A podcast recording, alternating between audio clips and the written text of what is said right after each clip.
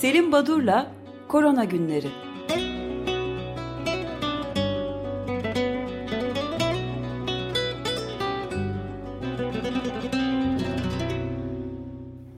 Günaydın Selim Badur, merhabalar. Günaydın efendim, günaydın Özdeş, günaydın Feryal. Herkese günaydın. iyi haftalar dilerek başlayalım. Efendim son programımızdan bugüne dek geçen e, 4 gün içinde ortalama 354.343 olgu eklendi yeni koronavirüs e, olgu listesine. Tabii biz 600-650 binlik günlük olgu sayısından 300-350 bin bandına düşmüş durumdayız şu anda. Bir iyimserlik var. Örneğin Wall Street Journal'da çıkan bir yazıda son 6 haftada Amerika Birleşik Devletleri'nde %77 oranında azalma olduğu belirtilmiş. Bu durum farklı şekillerde açıklanıyor. Hani doğal bağışıklığın düşünülenden, hesaplanandan, beklenenden daha yüksek olmasına. Bir diğer olasılık test yapılan kişilerden çok daha fazla insanın hastalığı geçirmiş olmasına ve Amerika'da da %15'lere varmış. Birazdan değineceğiz. Aşılama oranları. E, bütün bunlar e, olgu sayısında azalmaya e, e, yol açan faktörler.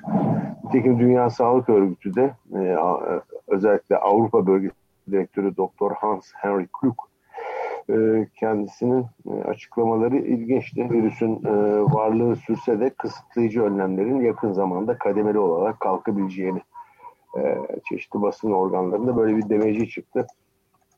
E, bu açıklamada özellikle e, Orta Doğu e, ve e, Doğu Akdeniz ülkeleri hariç ki e, burada ciddi artışlar sürüyor. E, Güney Afrika'da bile %33'lük bir azalmadan bahsediyor.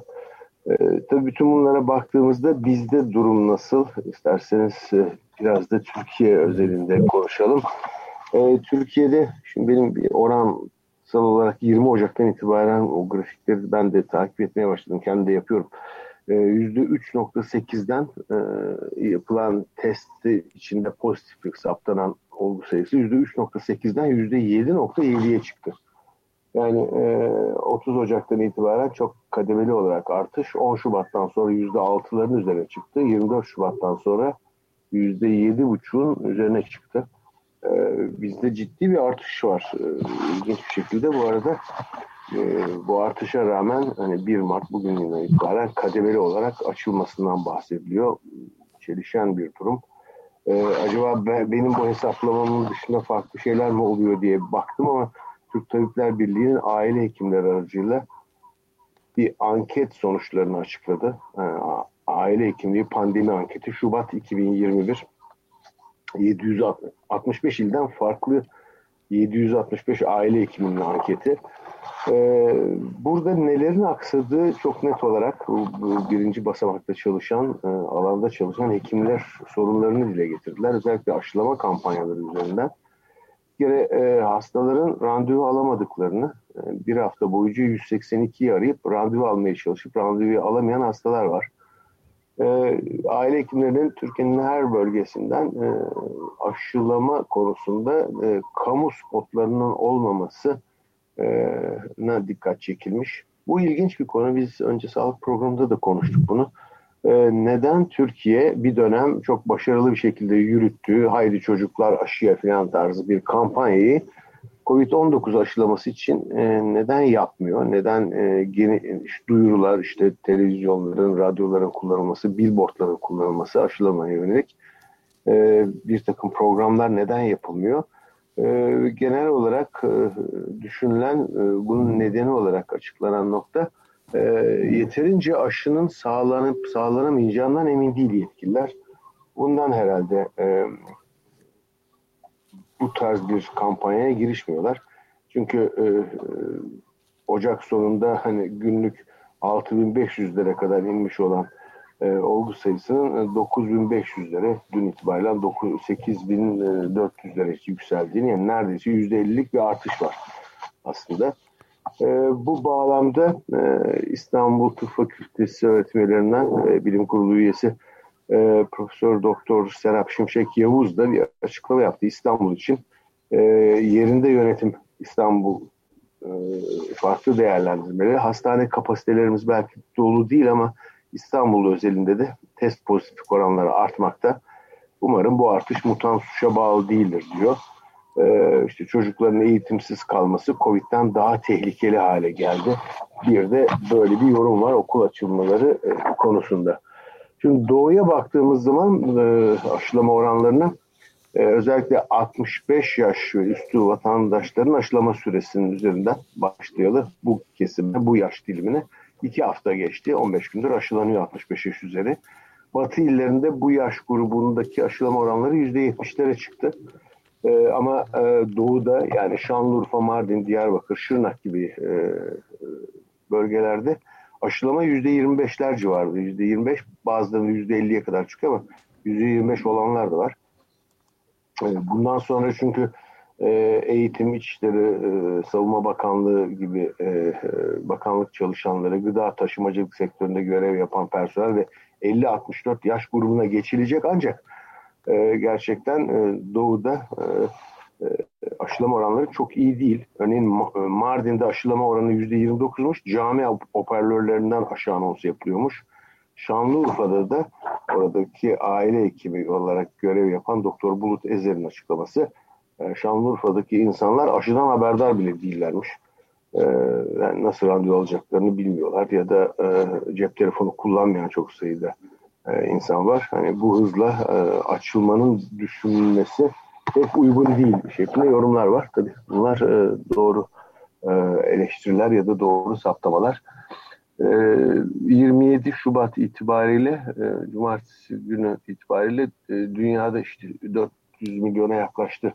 En az e, bir, 400 e, milyon doz aşı kullanıldı e, dünyada. Bunun 72.9 milyon Amerika Birleşik Devletleri'nde, 40 milyonu Çin'de, Avrupa Birliği ülkeleri 32.3 milyon, İngiltere 20 milyonu geçti. Hindistan 14.2 milyon e, ve e, hemen arkasından Türkiye geliyor. 8.5 milyon doz aşıyı kullandı Türkiye. E, e, bu önemli bir nokta ama iki e, hani bütün olup bitenlerde bize özgü e, garipliklere değinip e, dünyadaki e, duruma biraz bakacağım ama birincisi sahte COVID-19 negatif test sonucu satan bir e, şebeke yakalandı.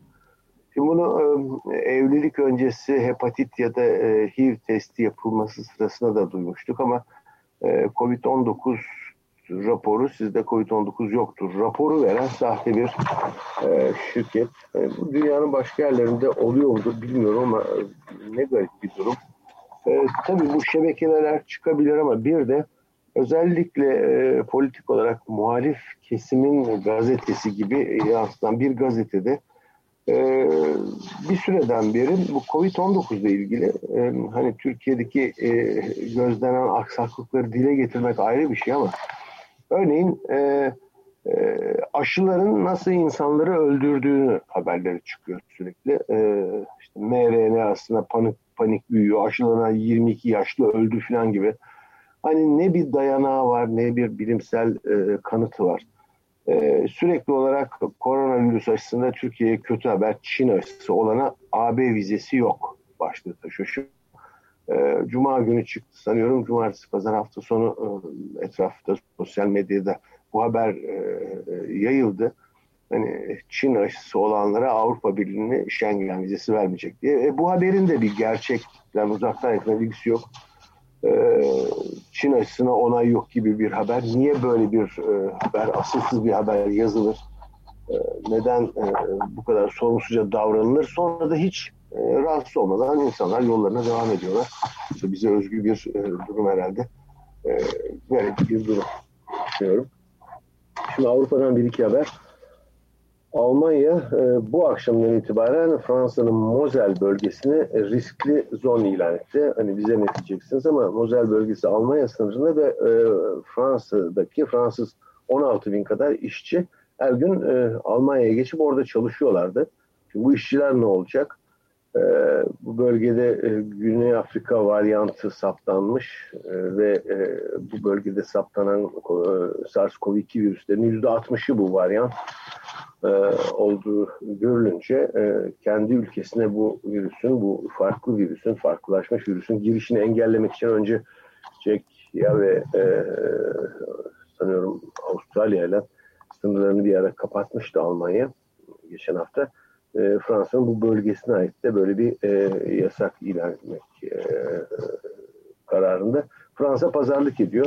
E, ani tek taraflı bir karar aman yavaş olun diye. E, biraz önce bir haber geldi. En az 48 saat önce test yaptırılıp da negatif sonuç alınırsa bırakacaklarmış. Yani bu tarz pazarlıklar, kısıtlamalar, yasaklar gidiyor.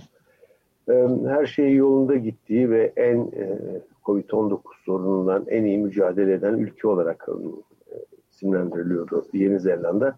17 milyonluk bir kent, Auckland kenti 3 e, gün için yeniden kapanıyor. Kesin bir kapanmaya gidiyor. Çünkü çok az sayıda birkaç olguda böyle bir önlem alıyorlar.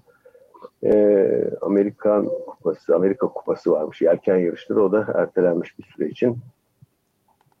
Senegal'de yeni bir slogan ortaya çıkmış. Aşılanacağıma Covid-19'dan ölürüm daha iyi. Ee, bu garip bir durum. Ee, neden? Çünkü e, yaygın kanı aşılarken bize çip takacaklar. Çünkü bu gelişmekte olan ülkelerin e, bu teknoloji endişesi bizi gözleyecekler, çip takacaklar, DNA'mızı değiştirecekler endişelerini e, pek anlamak mümkün değil. Bizde de vardı böyle DNA'mızı, genetiğimizi değiştirecekler. Yani belki böyle bir şey olamaz tabii de yani değişse kötü olur sorusu da ayrıca tartışılmalı belki. Ee, Almanya 3. dalgaya hazırlanıyor ciddi olarak. Bu arada e, geçen senenin değerlendirilmesi ve Covid-19 pandemisinin yansımaları e, araştırılırken Fransa'da doğumların %13 oranında azaldığı saptanmış. E, ilginç bir durum. Ee, İsrail e, hani Filistinleri aşılayacak mı, aşılama, e, aşılamayacak mı çok tartışılıp eleştiriliyordu. Çalışma izni olan 100 bin kadar Filistinliyi aşılama kararı aldı. E, buna kadar yeterli elbette e, tartışılır e, bu konu. E, Avrupa Birliği ülkesi Macaristan e, önce e, Çin aşısı Sinopharm daha sonra Rus aşısı Sputnik V ile anlaşma yaptı ve çarşamba günü başlıyor aşılamaya. Tabii e, bu iki aşı Avrupa'dan onay almamıştı. EMA denilen işte Avrupa İlaç Ajansı'ndan onayı yok. E, Avrupa'da onay almamış iki aşıyı e, kendi ülkesinde kullanan bir Avrupa ülkesi. E, işte bir takım şeyler yıkılıyor, e, değişiyor demiştik. Bu da e, bir diğer örnek. Şimdi ben bir şey soracağım. Bu Türkiye'de de e, şeyler vaka e, sayısı e, yükselmekte dünyanın birçok yerine göre farklı olarak dediniz. Ama şeyde ölenlerin vefat sayısında bir düşüş görülüyor. Her ne kadar gene de her saat iki kişiden fazlası ölüyorsa da bir düşüşte gözleniyor galiba değil mi? Evet yani 200'lerden 65-66'lara düştü. Ee, şimdi yitirilen insan sayısı. Şimdi e, Türkiye'deki verilerin e, hani ne kadar sağlıklı, ne kadar e, gerçeği yansıtıyor bunu e, bu konuda bir e, yazı çıktı hafta sonu Bir Gün Gazetesi'nde. Bizim de programlarımızda konu kaldığımız e, Doçent Doktor Ümit Kartoğlu ve Özlem Kayım Yıldız kaleme almışlar Yazının başlığı veri karanlığında yolumuzu aydınlatan üç ışık diye. Çok e, bilgi kirliliği var. Daha doğrusu bilgi kirliliğinden çok e, paylaşım eksikliği ve şeffaf e, olmayan bir süreç yaşıyoruz.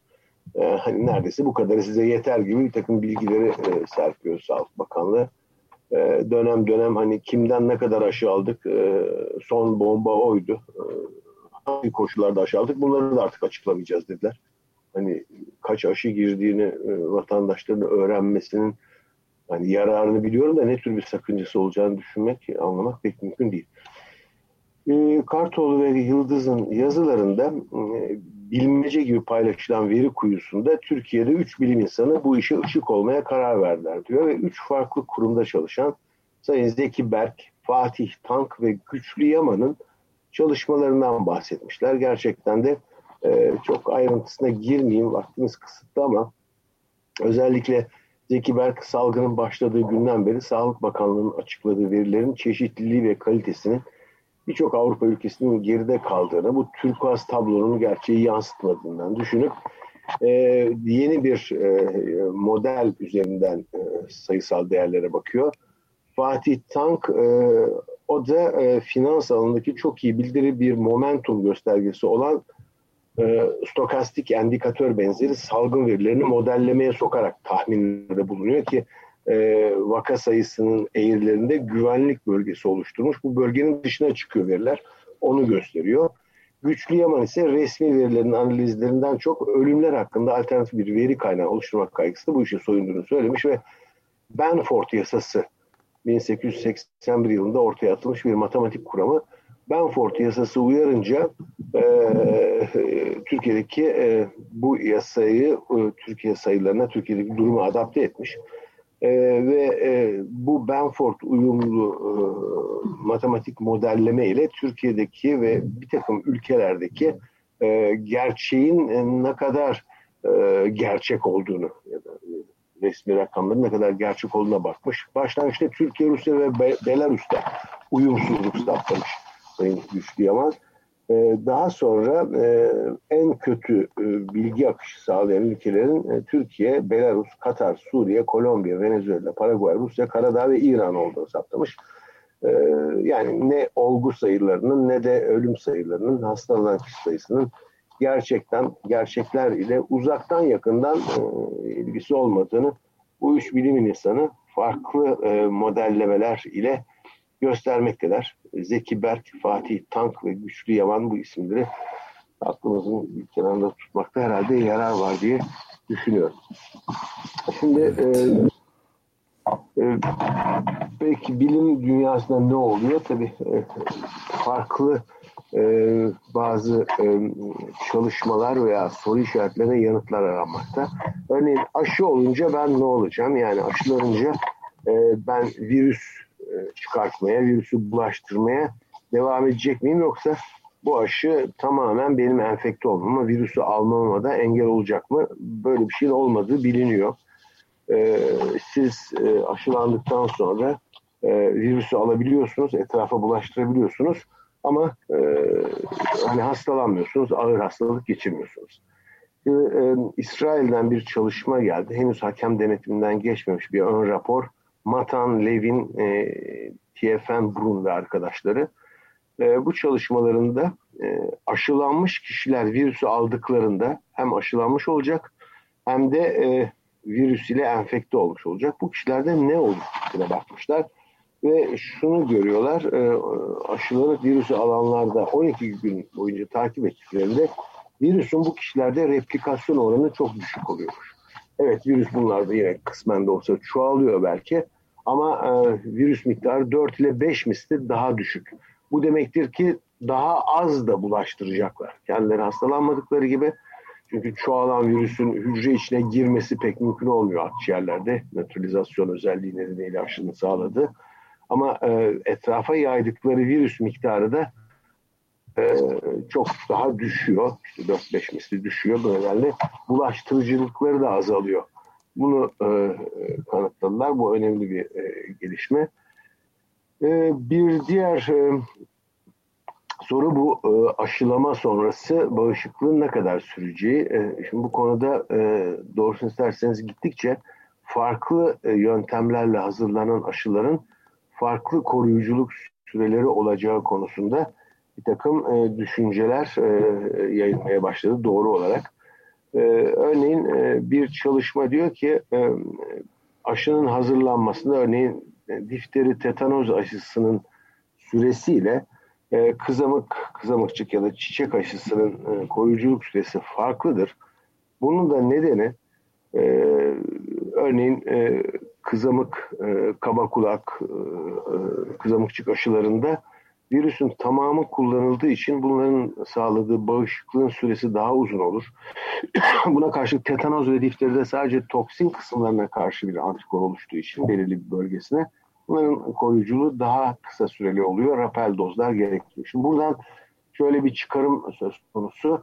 E, virüsün tamamını inaktif hale sokup e, inaktif aşı şeklinde bütün virüsü kullanan, e, Türkiye'de kullanılan aşının koruyuculuğu da belki de bu modern tekniklerle hazırlanan mRNA ya da vektör aşılarından daha uzun olabilecektir. Bu kanıtlanmış bir e, bilgi değil ancak böyle e, değerlendirmeler, böyle görüşler ortaya çıkıyor. Bunların e, bilimsel olarak, deneysel olarak elbette kanıtlanması lazım. E, varyantlar dünyanın her yerinde e, sorun yaratmaya devam ediyor. Hem New York'ta hem de e, Hindistan'ın bazı kentlerinde yeni varyantlar saptandı.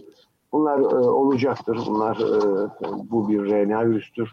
Her zaman e, değişime, mutasyona açık virüslerdir ama e, bu e, oluşan mutasyon, saptanan mutasyonlar virüsün e, işte, davranışını, bulaştırıcılığını nasıl etkileyecektir? Bunun irdelenmesi lazım. Yaygın bir şekilde e, bu konu e, çalışılmakta bütün ülkelerde. Şimdi bu konuyla bağlantılı olarak da geçen hafta hatırlayacaksınız e, varyantlar Türkiye'de de izleniyor. Ama e, hem üstelik de e, bu izleme sırasında e, Türkiye'ye özgü varyantlar saptandı derdi hatırlarsanız eğer. Evet, evet. konuşuluyordu. Evet, şimdi cumartesi günü bir e, so, e, göğüs hastalıkları e, kongresi sırasında e, bu konu tartışıldı ve e, tartışmada bilim kurulu üyelerinden bir tanesi Profesör Recep Öztürk e, konuşma yaptı varyantlar konusunda kendisiyle konuşurken ya bu varyant analizlerinin Türkiye'de nerede yapıldığı, nasıl yapıldığı, kaç tane yapıldığı, e, ne bulunduğu bu konulara bizim niye erişemediğimizi sordum. Yani neden e, biz bu konuda Türkiye'de kaç tane varyant analizi yapıldı ve sonuçları nedir? Yani buna nasıl erişeceğiz? Bunlar bir yayına dönüşmüyor. E bari Sağlık Bakanlığı'nın web sitesinden çıksın da biz de öğrenelim.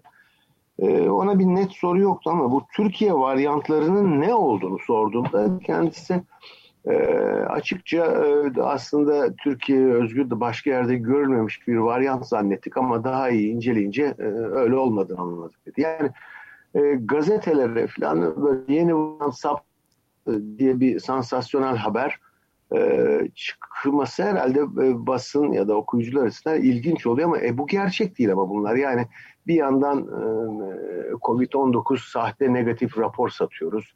Bir yandan e, işte bakanlık yetkilileri e, ben artık nereden kaç tane hangi koşullarda aşı aldığımı bilin ayrıntısını açıklamayacağım diyor. Bir yandan bilim insanları ya bu sayısal değerler e, gerçeği yansıtmıyor diyor.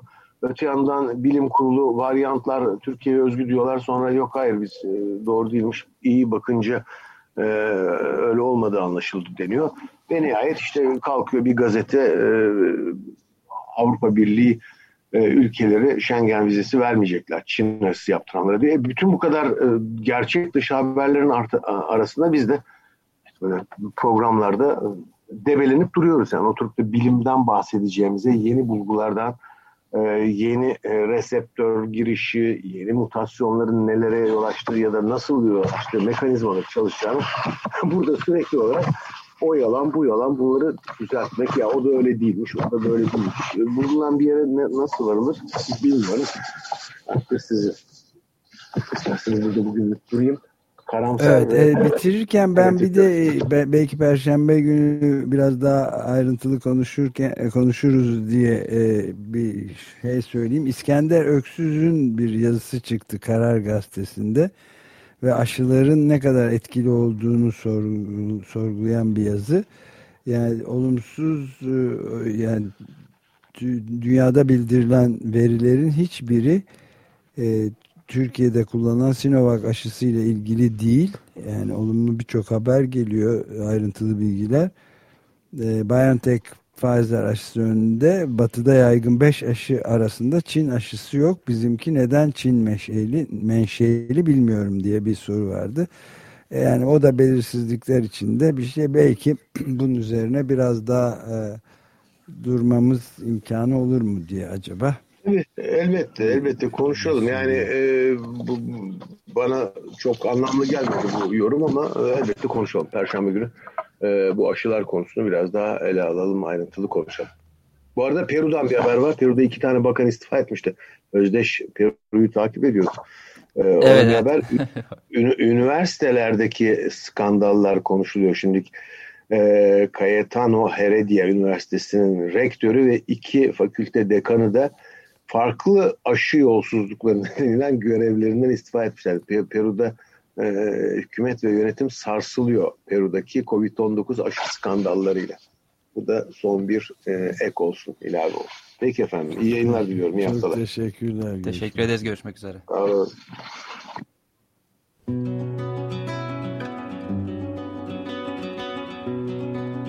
Selim Badur'la Korona Günleri